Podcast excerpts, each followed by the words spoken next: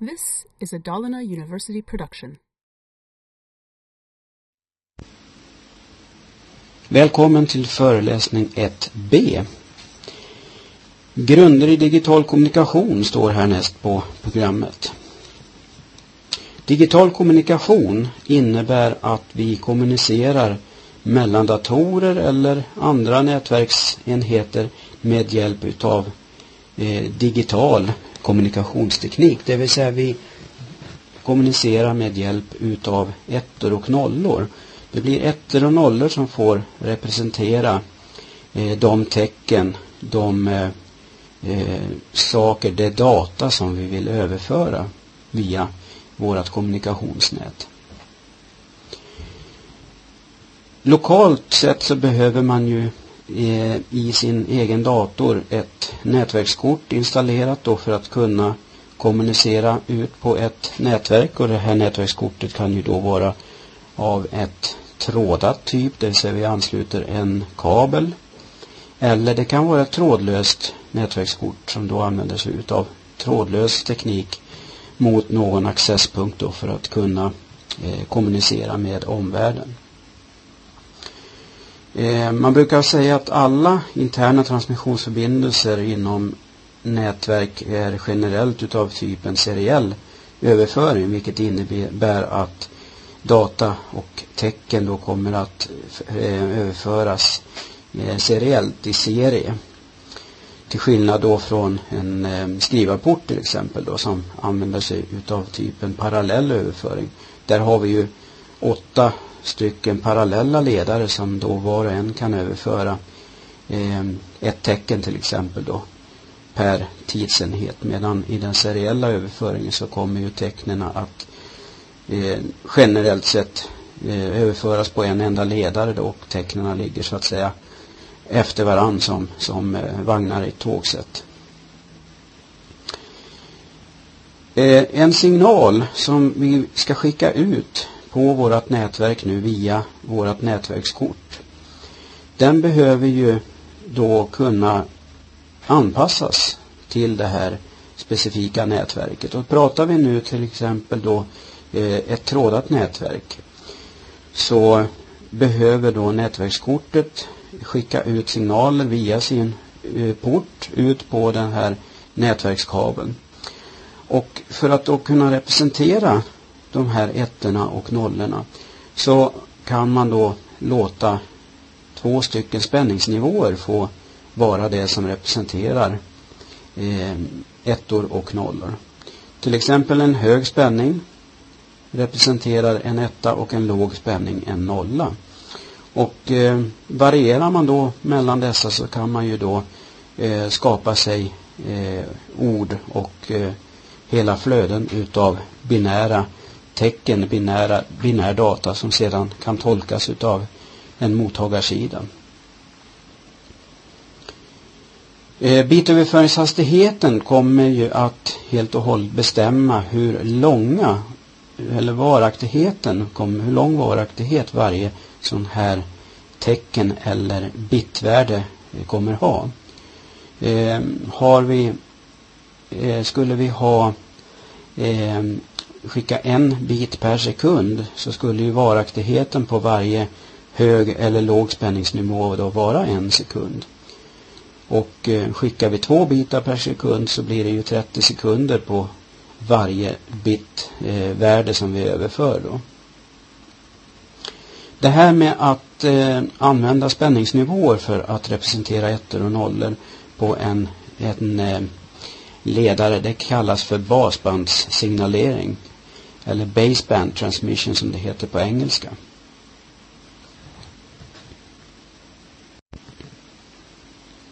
Den här sliden visar då ett exempel på hur den här basbandssignaleringen kan gå till och eh, här ser vi just det då att en nolla representeras utav en låg spänning minus V och en etta representeras utav en hög spänning plus V.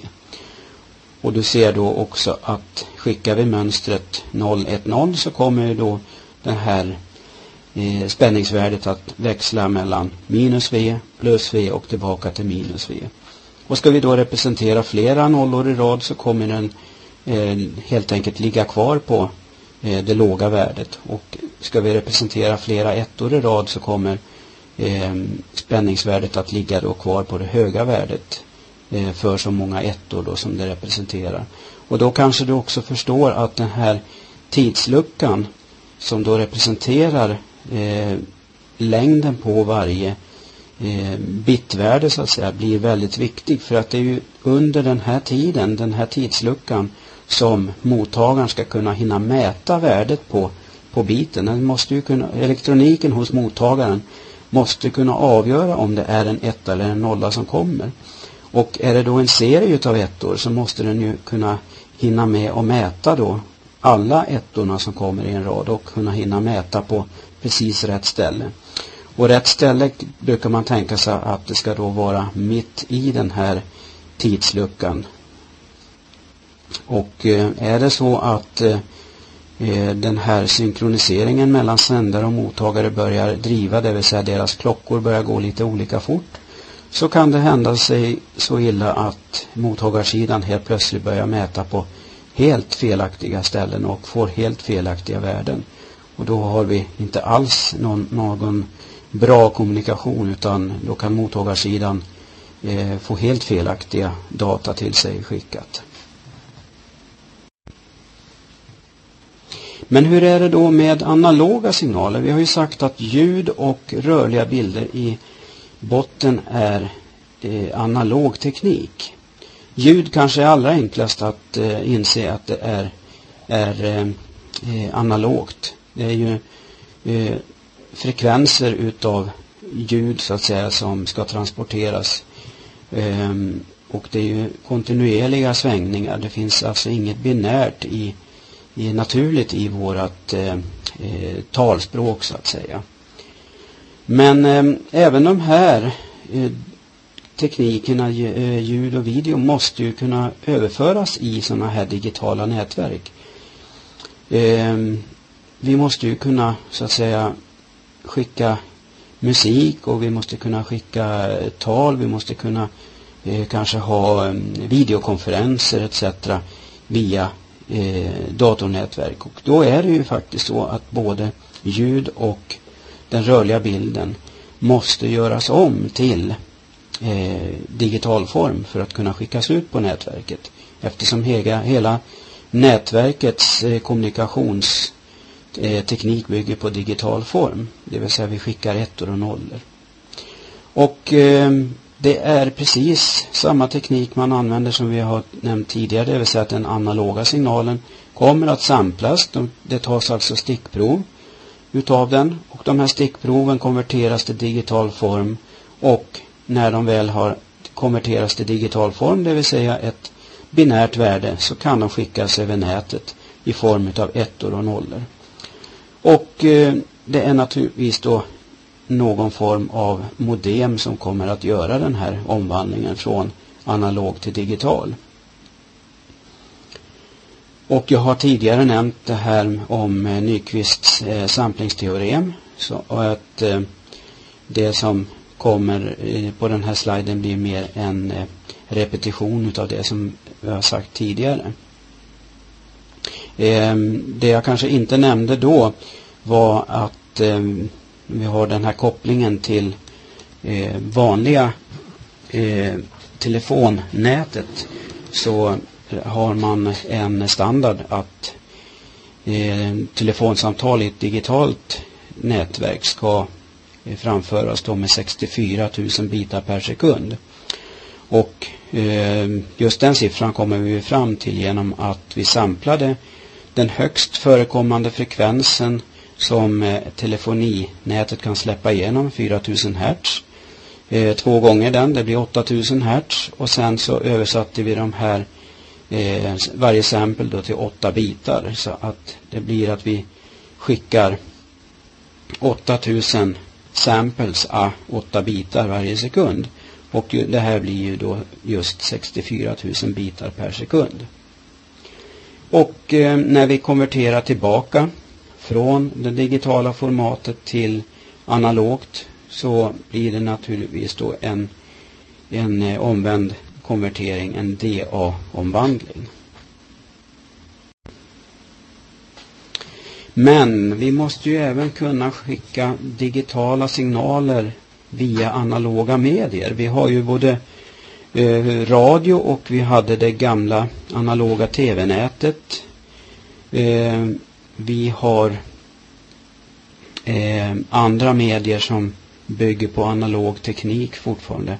Och vi vill ju naturligtvis kunna skicka digital data även med hjälp av dessa medier.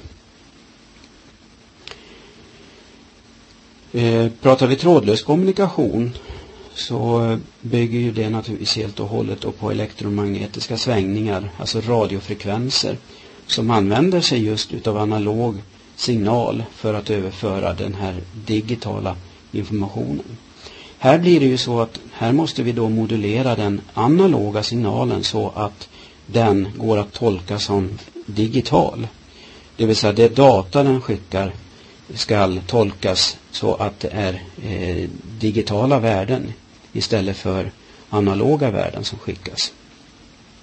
Och då måste vi återigen modulera den analoga signalen på så sätt så att den tolkas som eh, digital informationsbärare. Och här finns det några olika eh, metoder. De allra vanligaste är amplitudmodulering, frekvensmodulering, fasmodulering eller kombinationer utav dessa för att man ska kunna uppnå än bättre moduleringsformer och kunna skicka över mer data per tidsenhet. Här ser du en skiss på modulerad signal i form av amplitudmodulering. Det kanske är den allra enklaste eh, moduleringsformen att förstå för att den är ganska rak på sak. Här har vi en analog signal som svänger med exakt samma frekvens hela tiden. Så att den svänger med eh, 1000 Hertz. Men vi kan variera amplituden hos den här signalen, det vill säga vi kan variera styrkan.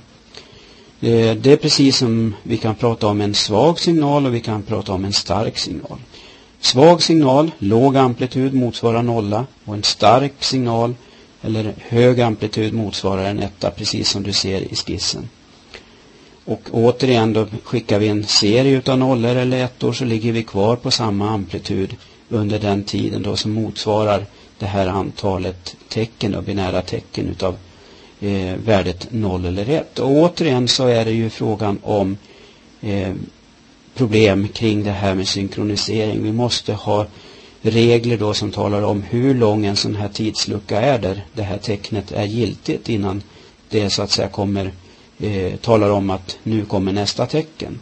Och eh, här handlar det ju återigen om att mottagare och sändare måste vara synkroniserade på något vis för att kunna föra den här dialogen och tolka eh, tecknen på rätt sätt. För eh, tolkar man annars en nolla som en etta eller vice versa så då har man ett fel helt plötsligt och då är det ju inte den information som sändaren skickar egentligen utan det kan bli någonting helt annat. Transmissionsmedia kan ha en mängd olika former och utseende och kategorier. Det allra vanligaste transmissionsmediet idag när det gäller trådad nätverksteknik det är UTP, Unshielded Twisted Pair. Eh, den enklaste formen utav Twisted Pair-kabel. Eh, exemplen du ser här är en kategori 3 och en kategori 5. Och kategori 5 ser du är mera tvistad än kategori 3-kabeln.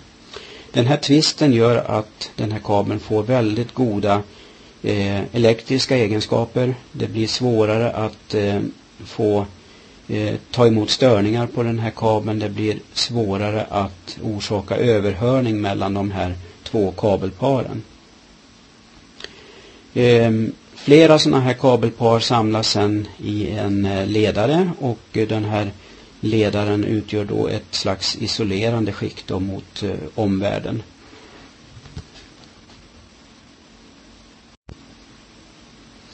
En eh, dyrare form utav eh, Twisted Pair är eh, STP-kabeln, Shielded Twisted Pair. Den har ytterligare ett skyddslager, en så kallad Protective Screen, en metallfolie som ligger som ytterligare ett eh, eh, elektriskt skydd då för att skydda ifrån störningar utifrån kommande störningar. Den är naturligtvis då lite dyrare att tillverka och eh, eh, kan i vissa sammanhang vara nödvändig att använda eftersom vi be kanske behöver det här extra eh, skyddet då i form av den här protective screen. Eh, en annan kabeltyp som var vanligare förr eh, som inte är så vanligt förekommande kanske idag i, i eh, nyinstallationer egentligen men som kan finnas kvar i en del äldre installationer inom företagsvärld etc. Det är eh, koaxialkabeln. Och eh, den består som du ser utav en central ledare, kopparledare och runt omkring den så finns det ett eh, eh, isolationsmaterial, oftast i plast. Och utanför det ligger en, eh, en eh, skyddsväv, eh, metallväv kan vi säga. Också då som är som en sån här skyddsskärm runt omkring. Och allra längst ut så är det då ett eh, isolerande skyddslager, oftast då i något plast eller gummimaterial. Den här koaxialkabeln eh, var ju vanlig inom eh, lokala nätverk för kanske 15-20 år sedan. Men den tenderade att bli väldigt otymplig, väldigt bökig. Den är styv och besvärlig att jobba med så att eh, när TP-kabeln kom så blev det väl en smärre revolution skulle jag vilja säga.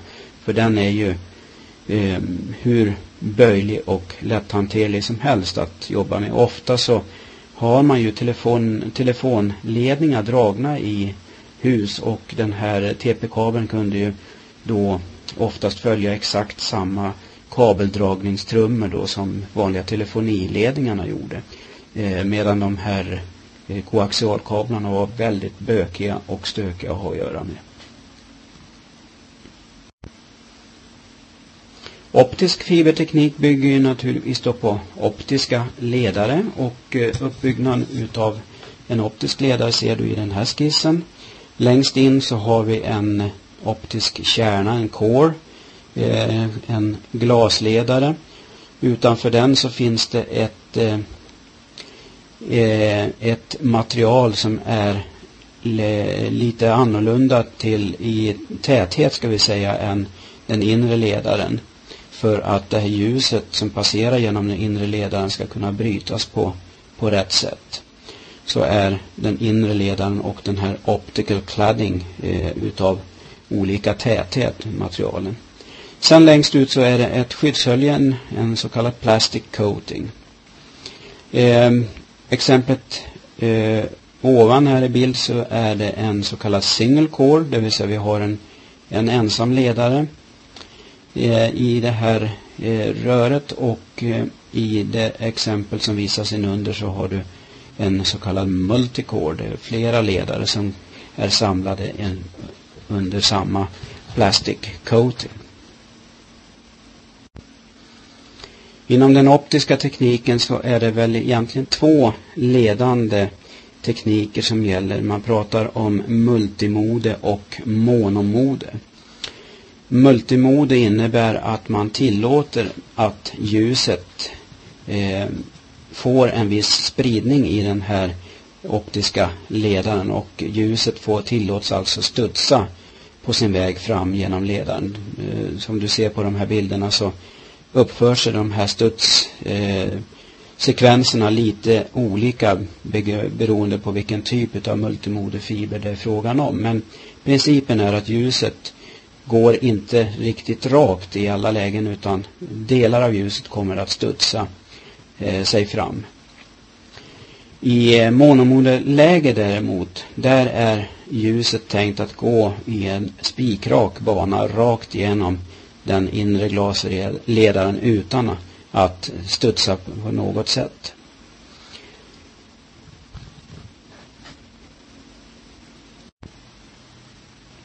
Om vi riktar våra blickar uppåt mot eh, rymden så kommer vi in på begrepp som har att göra med satellitsystem att göra. Och där pratar vi om begrepp som omloppsbana, omloppsbana hos en satellit som kan vara ekvatoriell, det vill säga den går runt ekvatorn. Den kan vara polar, det vill säga den går i en bana runt polerna, eh, alltså från pol till pol. Eller den kan vara lutande på något vis. Man brukar prata om tre stycken grundläggande kategorier eh, baserade egentligen på vilken höjd de här eh, satelliterna befinner sig ovanför jordytan. Eh, geo, eller geostationära, de brukar ligga på ungefär 35 000 kilometers höjd. Och de är ju då geostationära ligger alltså i ekvatorialplanet och eh, har en omloppstid om 24 timmar och upplevs som ner från marken så att säga att ligga helt still. Sen har vi en kategori som kallas för MEO, Medium Earth Orbit. De här satelliterna brukar befinna sig på en höjd av mellan 5 och 15 000 kilometers höjd. Ett exempel där är GPS-systemet som består utav då 24 stycken satelliter i sex olika banor. LEO, eller Low Earth Orbit, eh, de satelliterna befinner sig på höjder om 500 till 2000 kilometers höjd. Oftast så förknippar vi dem med mobila telefonsystem. Eh, exempel är Iridium som består av 77 satelliter, sex olika banor. Global Star, 48 satelliter i sex olika banor. Eller Teledesic eh, som har, är ett system bestående av 288 satelliter i 12 olika banor.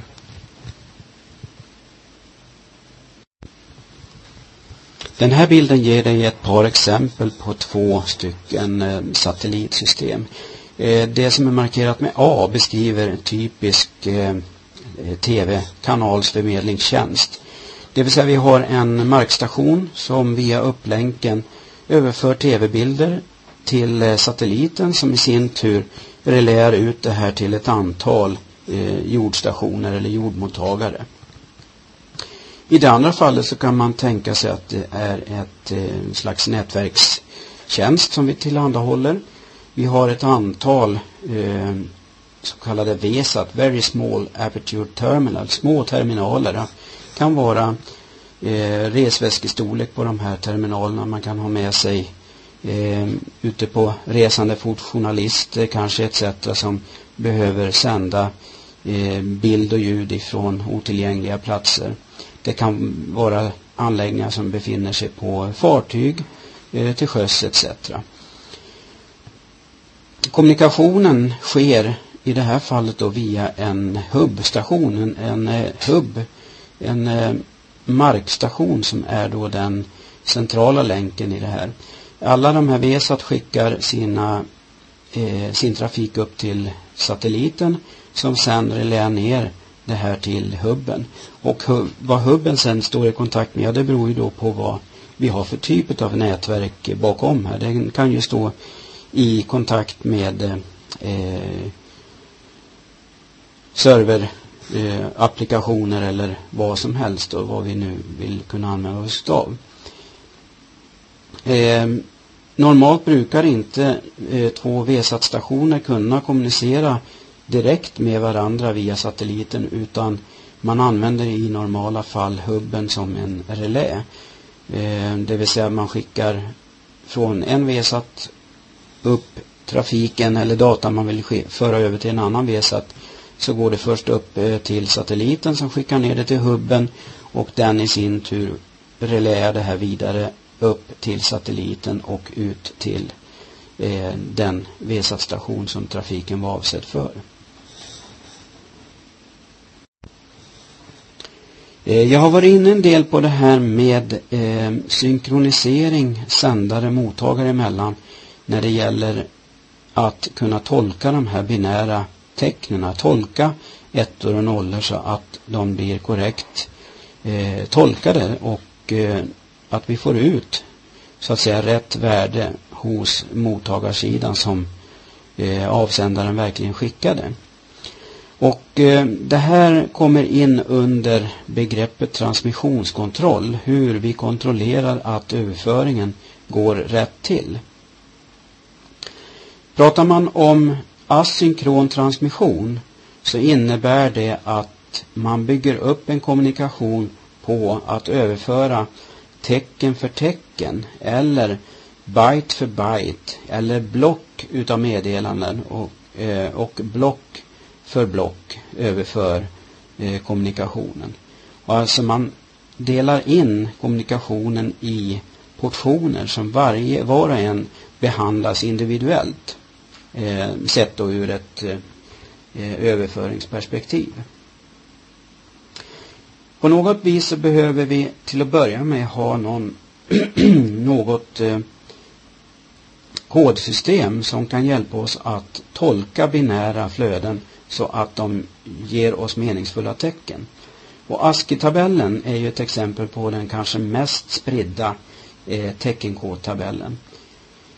Eh, sju bitars ASCII ger oss ju 128 möjliga olika tecken och sen kom den utökade ASCII-varianten med åtta bitar som gav eh, oss möjlighet att eh, skapa 256 olika tecken.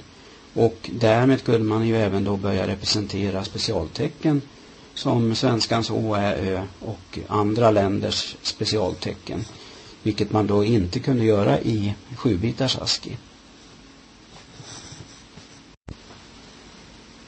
Den här sliden ger det då ett litet exempel på hur ASCII-tabellen ser ut och hur de här ASCII-tecknen byggs upp.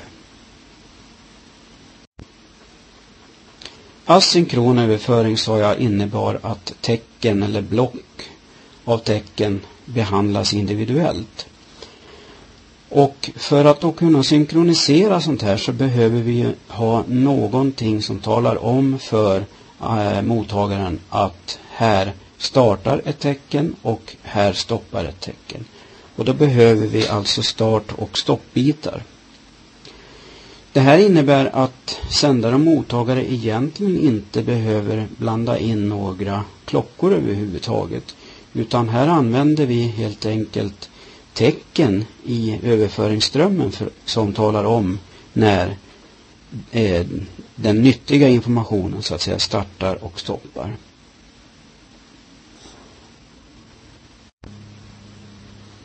Och på den här sliden så ser du just en eh, schematisk bild över hur en sån här ramsynkronisering fungerar då på ett eh, eh textbaserat exempel. Här skickar vi någon text som börjar med bokstäverna F, R och sedan avslutas med ett L. Och då ser du att det finns eh, en startbit och sedan så kommer det ett specialtecken eh, som säger Start of Text, STX. Så det talar om då för mottagaren att eh, här kommer det nu en eh, text och du ser också att i kring de, varje tecken så ligger det en start och en stoppbit så att det här start of text tecknet har en startbit och en stoppbit. Och sen följer F som omges också utav en start och en stoppbit. R likaså anges av en, omges utav en start och en stoppbit. Och så här håller det på. Ursäkta, ända tills vi kommer till slutet. Och där kommer det då ett specialtecken ETX, end of text som talar om att nu är det slut på det här blocket utav eh, nytt och last så att säga. Och även det här sista specialtecknet omges ju då utav en start och en stoppbit för att tala om för mottagaren att här, nu ska du börja tolka eh, det som kommer. Och nu, när stoppbiten kommer, nu kan du sluta tolka. Så det är ett sätt att synkronisera då kring eh, eh, textbaserad eh, eh, en textbaserad lösning. Eh, det här innebär ju naturligtvis att vi måste skicka med en massa extra data. Vi måste ju hela tiden skicka med start och stoppbitar som i sig inte tillför någon eh, nyttolast utan är bara en, ett extra påhäng egentligen. Som eh, i sig också tar lite tid för att det är ju faktiskt eh, två extra eh, bitar eller två extra tecken om det så är eh, som utgör de här start och stopptecknena som eh, måste skickas då efter, i samband med varje sån här block. Och eh, det här brukar man tala då om overhead eller extra overhead som eh, man är tvungen att skicka med eh, själva nyttolasten. Eh, ett annat problem som kan dyka upp när man använder sig utav sån här ramsynkroniseringstecken, det vill säga vi använder teckenbaserade eh, tekniker för att tala om när eh, data börjar och slutar. Det är ju om vi ska skicka en bytesträng, det vill säga en sträng utav ettor och nollor som i sig inte är eh, ska vi säga vanlig text utan det kanske är en sträng utav ettor och nollor som helt enkelt bygger upp en, en bild. Och då kan ju faktiskt de här eh, start of text och end of text tecknena eh, ingå i den här eh, bytesträngen. De kan ju vara med som tecken som bygger upp bilden. Och hur ska vi då bära oss åt för att kunna tala om för mottagarna att det här är inte end of text utan det här är ett, ett eh, eh, tecken vilket som helst, en, en byte bara som ingår i själva nyttolasten som ska eh, rita upp en bild senare. Ja, då får vi lov att införa ännu mera overhead. Och ett sätt att lösa det här med, eh, som ser du i den här bilden, och det är att man har en, eh, ett ytterligare tecken. Eh, som i det här fallet heter då DLE. Och DLE är nu ett specialtecken som talar om för mottagaren att efter DLE så följer ett specialtecken. Och du ser att den här sändningen inleds med DLE STX och då innebär det att mottagaren tolkar det här som först får en DLE eh, vilket då talar om att nu efter DLE-tecknet så följer ett specialtecken du ska tolka. Och STX säger start of text. Nu börjar själva textdelen eller nyttolasten. Men så ser vi att det här DLE-tecknet faktiskt dyker upp mitt inne i själva nyttolasten. Och för att då eliminera att eh, eh, mottagaren ska tolka då nästa tecken som ett specialtecken så lägger man alltså in ytterligare ett sånt här DLE-tecken en gång till då. Så att vi skickar DLE, DLE för att tala om att det här var inget specialtecken utan det här var bara en byte som vilken annan byte som helst. Sedan så går vi till slutet på den här på det här blocket och där ligger det då DLE ETX och nu ska det då bli en korrekt tolkning att efter DLE e kommer ett specialtecken och det specialtecknet det var ETX det vill säga End of Text. Eh, det här är ett, eh, ett bökigt sätt att hantera den här eh, tekniken på. Men eh, egentligen enda sättet att lösa det på när vi vill kunna överföra så att säga specialtecken inuti själva nyttolasten. Då måste vi på något vis eh, eh, lägga in regler som talar om för mottagaren att det här ska du eh, strunta i och det här måste du ta hänsyn till.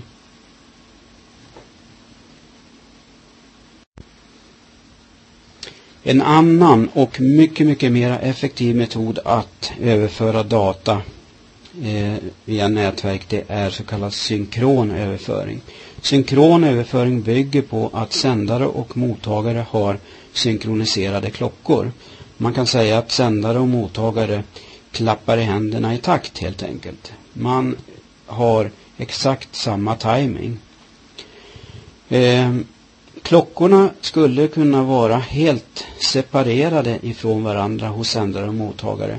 Men då har vi heller ingen möjlighet att kunna avgöra dynamiskt, det vill säga under en sändning om klockorna driver ifrån varandra eller om de eh, behöver justeras på något vis. Så därför så försöker man i görligaste mån att bygga in en klocka i själva överföringen utav eh, binär data. Och eh, den här tekniken gör man till exempel med eh, en kodningsmetodik som kallas för Manchesterkodning. Men det räcker inte bara med den här inbyggda klockan utan man måste fortfarande ha några eller flera tecken som föregår varje ram och avslutar varje ram för att tala om att nu är det start och nu är det stopp. Men eh, ofta så är det så att den här tecknet som föregår en ram används bara för att få mottagarklockan att hinna svänga in eh, korrekt. Och sen hoppas man då så att säga att den här klockan ska eh, svänga rätt under tiden att den här ramen med alla dess binära tecken, paketet då, skickas över. Och då har vi alltså inte ytterligare någon eh, synkronisering då, att vi har några start och stoppbitar kring varje tecken i den här överförda mängden data utan vi har den här föregå eh, ramen eller eh, start insvängningstecknet eh, som föregår själva ramen och sen så har vi eventuellt en, en stoppbit eller ett eh, stopptecken. Och har vi dessutom då eh, manchesterkodning så har vi då en klocka som är inbäddad i själva bitströmmen utav data. Och eh, sändarens och mottagarens klockor ska nu då arbeta helt synkront med varandra och de är ju då naturligtvis också helt beroende utav varandra. För börjar den ena klockan driva så eh, är man ganska snabbt eh, helt felaktigt ute eftersom att det är frågan om så pass höga överföringstal eh, eh vi pratar om, dataöverförings Eh, Störningar utav olika slag är ju också ett helt kapitel för sig kan man säga. Eh, signaler dämpas naturligtvis under en transport oavsett om det här är en eh, eh, kopparledare, eh, om det färdas genom luften eller eh, genom vatten eller genom marken så kommer signalen att dämpas under transporten eh, med, ökad, eh, med ökat avstånd. Och det innebär att den signal som var väldigt stark från början kommer att försvagas med tiden. Eh, för att eh, återskapa digitala signaler så säger man att man regenererar de här med, med, med jämna mellanrum. Det vill säga att vi skickar in dem i en förstärkare som, som tolkar signalen om det ska vara en etta eller nolla och den återställer den till den ursprungliga amplituden. Och därmed så det som kommer ut ur en sån här regenerator är ju en perfekt fyrkantvåg igen. Eh, analoga signaler däremot, de säger man att de får passera förstärkare med jämna mellanrum. Och är det så nu att den analoga signalen eh, har haft med sig en störning på insidan utav förstärkningen så kommer tyvärr också den här störningen att eh, förstärkas. Vi kan inte på samma sätt som en an, eh, digital signal regenerera den här analoga signalen tillbaka till sitt ursprungliga värde eftersom att förstärkaren inte har en aning om hur den analoga signalen egentligen såg ut. Utan det enda den vet är att den ska förstärka upp den till en viss amplitud igen. Störningar i allmänhet då kan vara utav typen så kallat vitt brus eh, det är ett brus som är naturligt i all ehm, elektro, eh, elektroniskt material och elektronisk utrustning. Det är alltså elektroner helt enkelt som rör sig, eh, gnuggar sig mot varandra, krockar med varandra när de, när de eh, blir aktiverade i form av värme och eh, eh, med strömmar då som ska eh, passera igenom. Eh, och det här orsakar då det man brukar kalla för vitt brus. Eh, spikar är en typ av störning som är väldigt, väldigt kraftig och under en, oftast en väldigt kort tid. Det är en störning som slår ut eh, en signal helt och hållet under en kort period. Det kan röra sig om någon bråkdel av en sekund. Men den kan ju då få eh, förödande effekter om vi har då väldigt hög eh, överföringshastighet på vårt datornätverk. Säg att vi överför en gigabit data eller en gig bitar per sekund och den här störningen eh, skulle vara en halv sekund så är det ju då en halv gig data som är borta under den tiden. Så att eh, det kan vara ganska mycket data som kan förstöras på grund av en sån här spik. Fejdning, gitter, andra typer av störningar där signalen eh, eh, fejdar att den eh, mattas ut och den blir fördröjd av olika anledningar. Olika delar av en signal kommer inte eh, kommer fram vid olika tidpunkter så att vi får fasförskjutningar och annat elände. Och sen har vi naturligtvis olika typer utav överhörning mellan ledare. Det vill säga signaler från en ledare hoppar över och blir energi i en annan ledare och kommer då orsaka störningar eller i telefonisystem att vi hör andras samtal på vår egen ledning så att säga.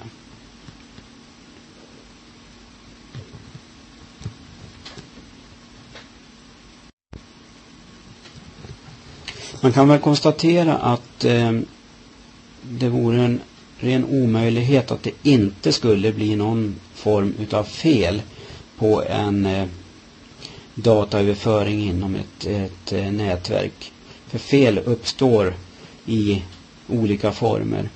Och eh, vi behöver också bygga in i våra system eh, automatiska eh, sätt att eh, kontrollera fel och eh, göra automatiska omsändningar. Och eh, en felkontrollsmetod som är väldigt vanlig är ARQ. Det står för Automatic Request, automatisk omsändningsbegäran skulle man väl kunna säga på svenska. Och eh, det innebär att eh, sändare och mottagare eh, från början synkroniserar sig kring eh, paketnumrering helt enkelt. Och eh, sändaren talar om för mottagaren att när jag börjar sända min trafik här nu så kommer jag att starta med paket nummer ett. Och mottagaren vet då att det första paketet som kommer fram det ska vara nummer ett.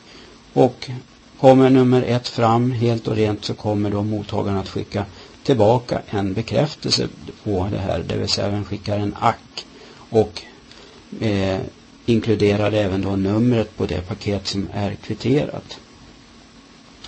Eh, hur den här eh, bekräftelsen fungerar är lite olika beroende på vad man har för typ av ARQ. Vissa system de bekräftar det paket som har kommit fram och andra system skickar i sin bekräftelse numret på nästa paket som eh, sändaren får skicka.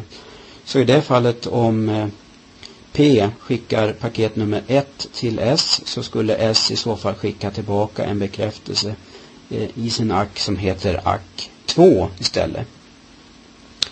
Det vill säga att den talar om för P. Du, jag kvitterar ettan och jag förväntar mig två nästa gång. Men om det blir fel nu då, vad händer då?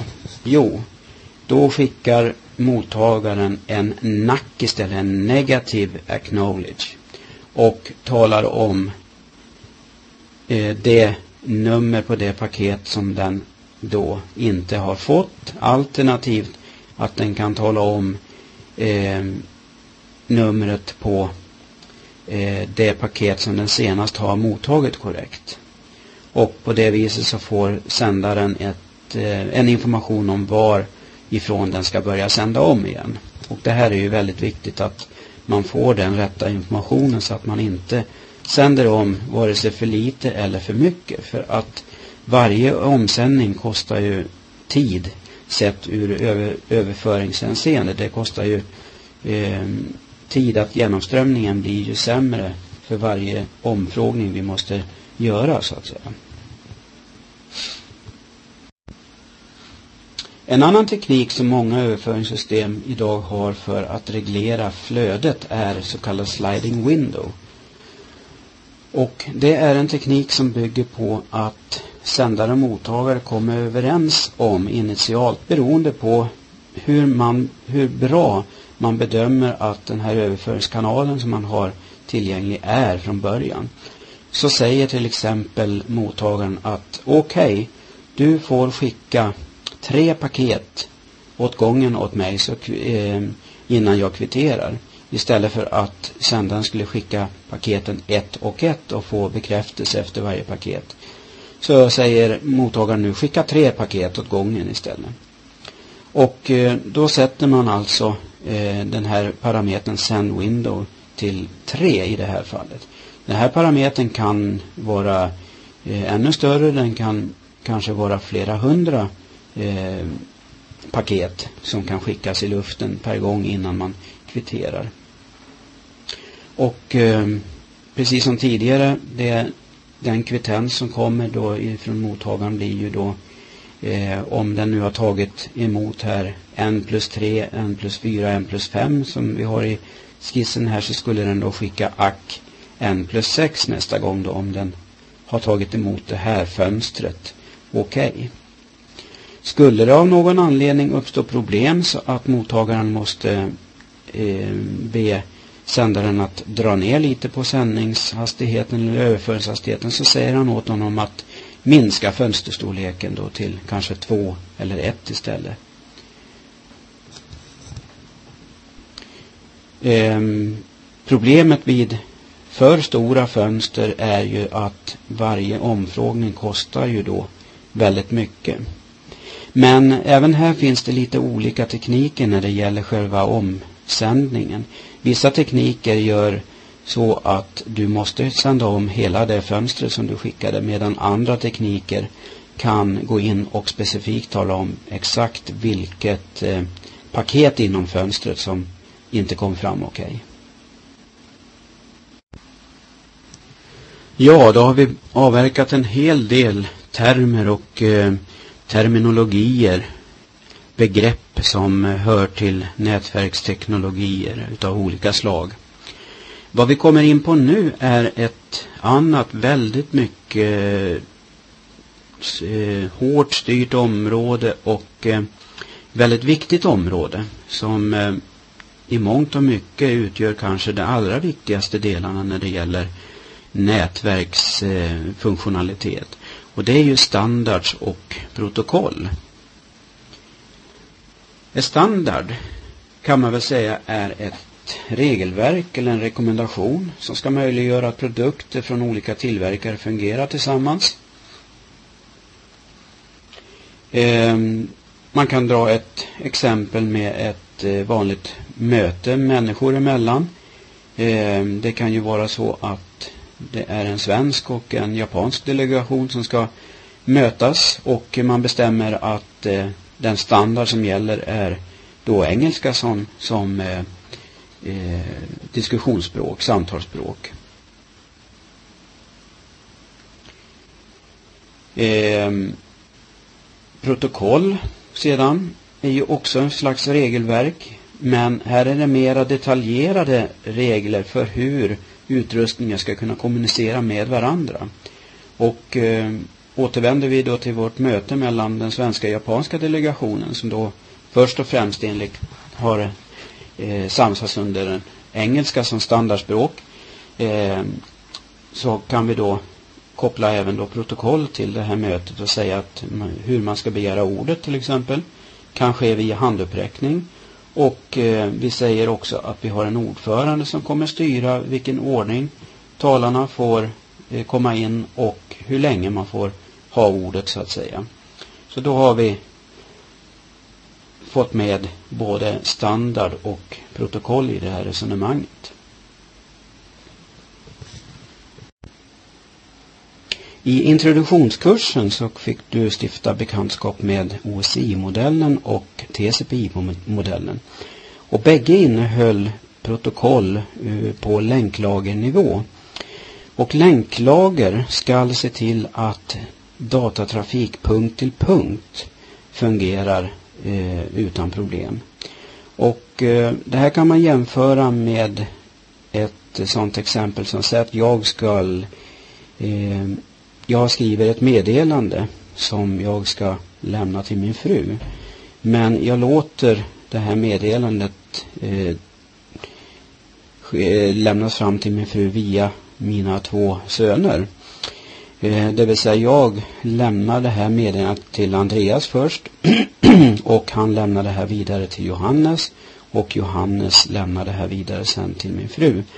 Och länklagrets eh, uppgift är att se till då att varje sån här punkt-till-punkt-förbindelse fungerar utan problem.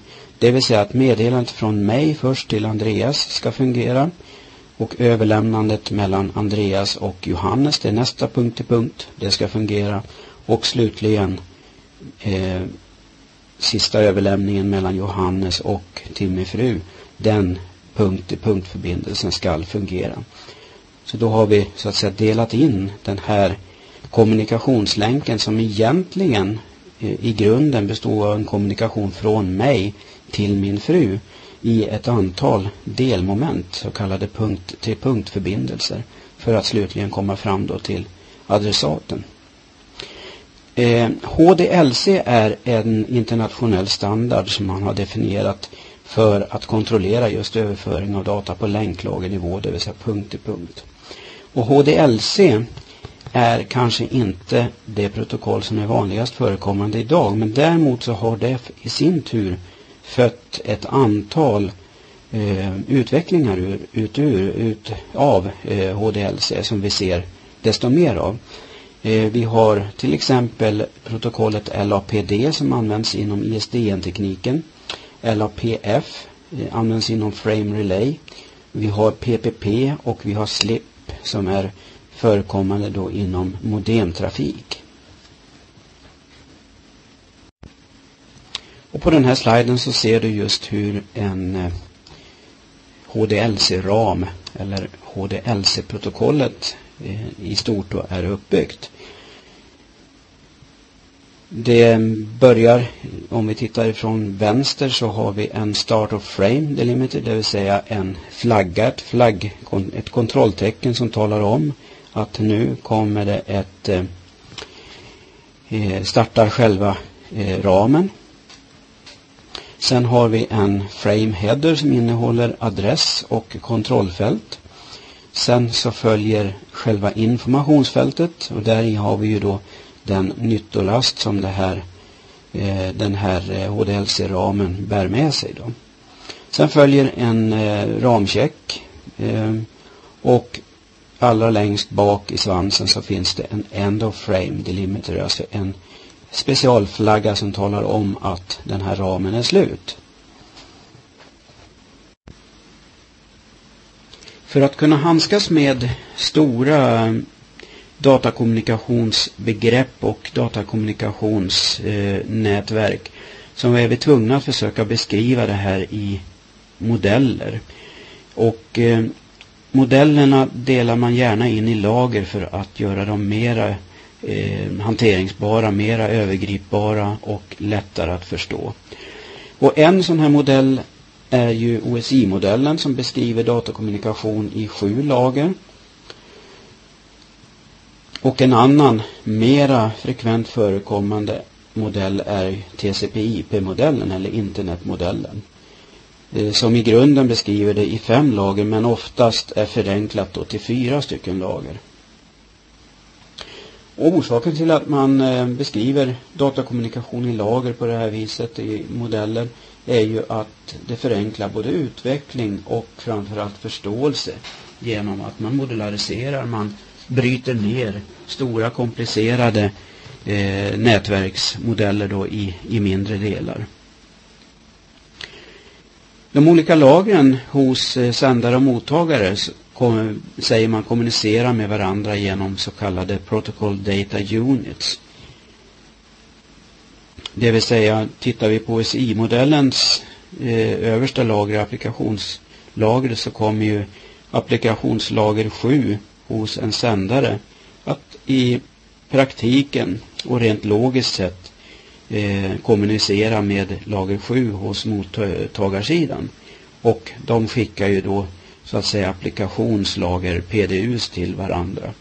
Sen att den här bryts ner eh, och förändras i eh, den här OSI-modellen när datat så att säga vandrar ner från applikationslagret ända ner till det fysiska lagret. Det är en annan sak men rent logiskt sett så, så eh, säger man att varje lager i de här modellerna, om det nu är OSI eller om det är TCP/IP-modellen, så kommunicerar lagren eh, logiskt sett rakt över med varandra via eh, PDUs, Protocol Data Units.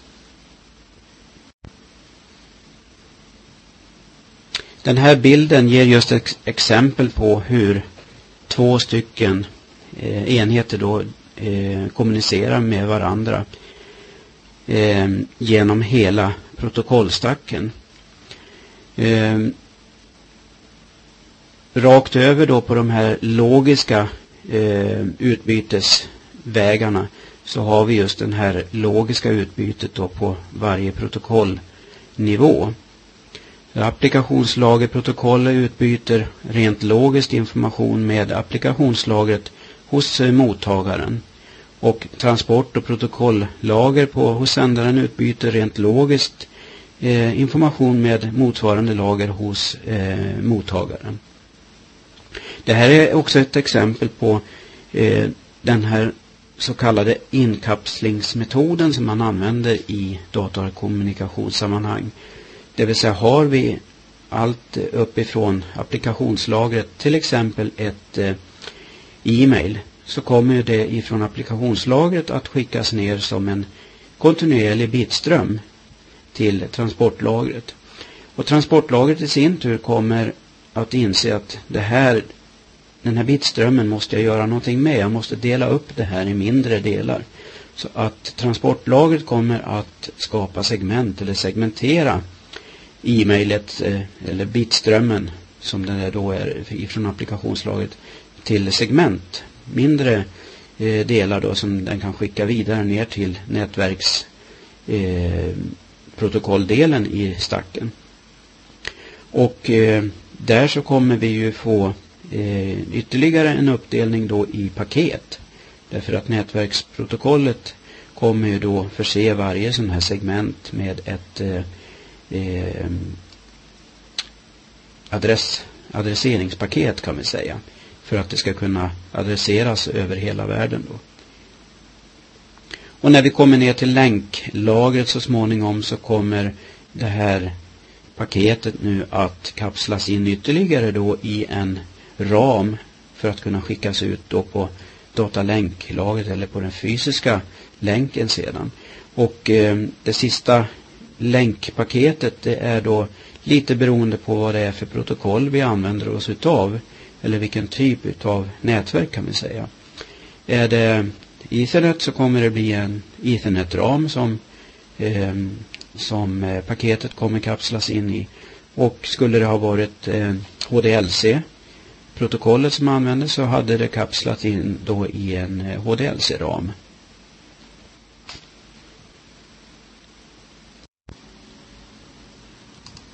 Den absolut viktigaste modellen som jag tycker att man bör känna till i relativt grova drag i alla fall, det är ju TCP/IP-modellen.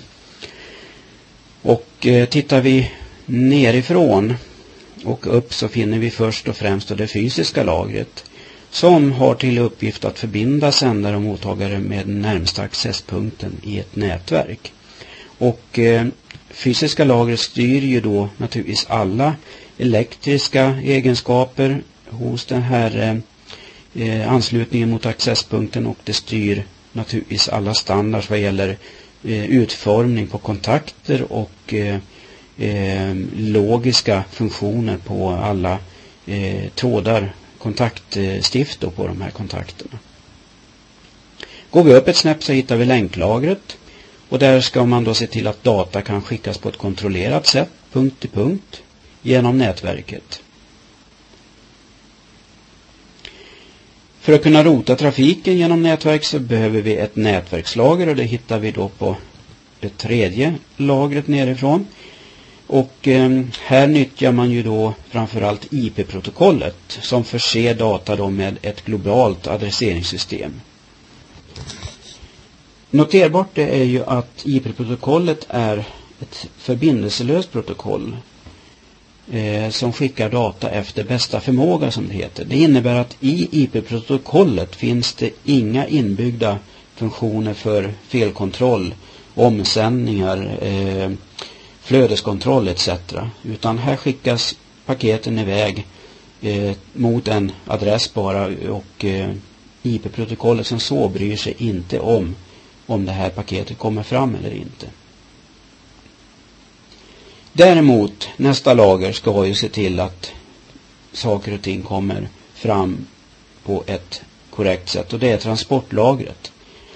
Och till skillnad från länklagret då som såg till att data skickades på kontrollerat sätt punkt till punkt så ska nu faktiskt transportlagret se till att data skickas på ett kontrollerat sätt ände till ände i ett nätverk. Det vill säga håller jag på att kommunicera med en dator i USA så ska transportlagret se till att data kommer fram från min dator till ända bort till mottagaren i USA på ett korrekt sätt. Och då kan ju det här datat ha passerat ett antal rotrar och växlar på vägen.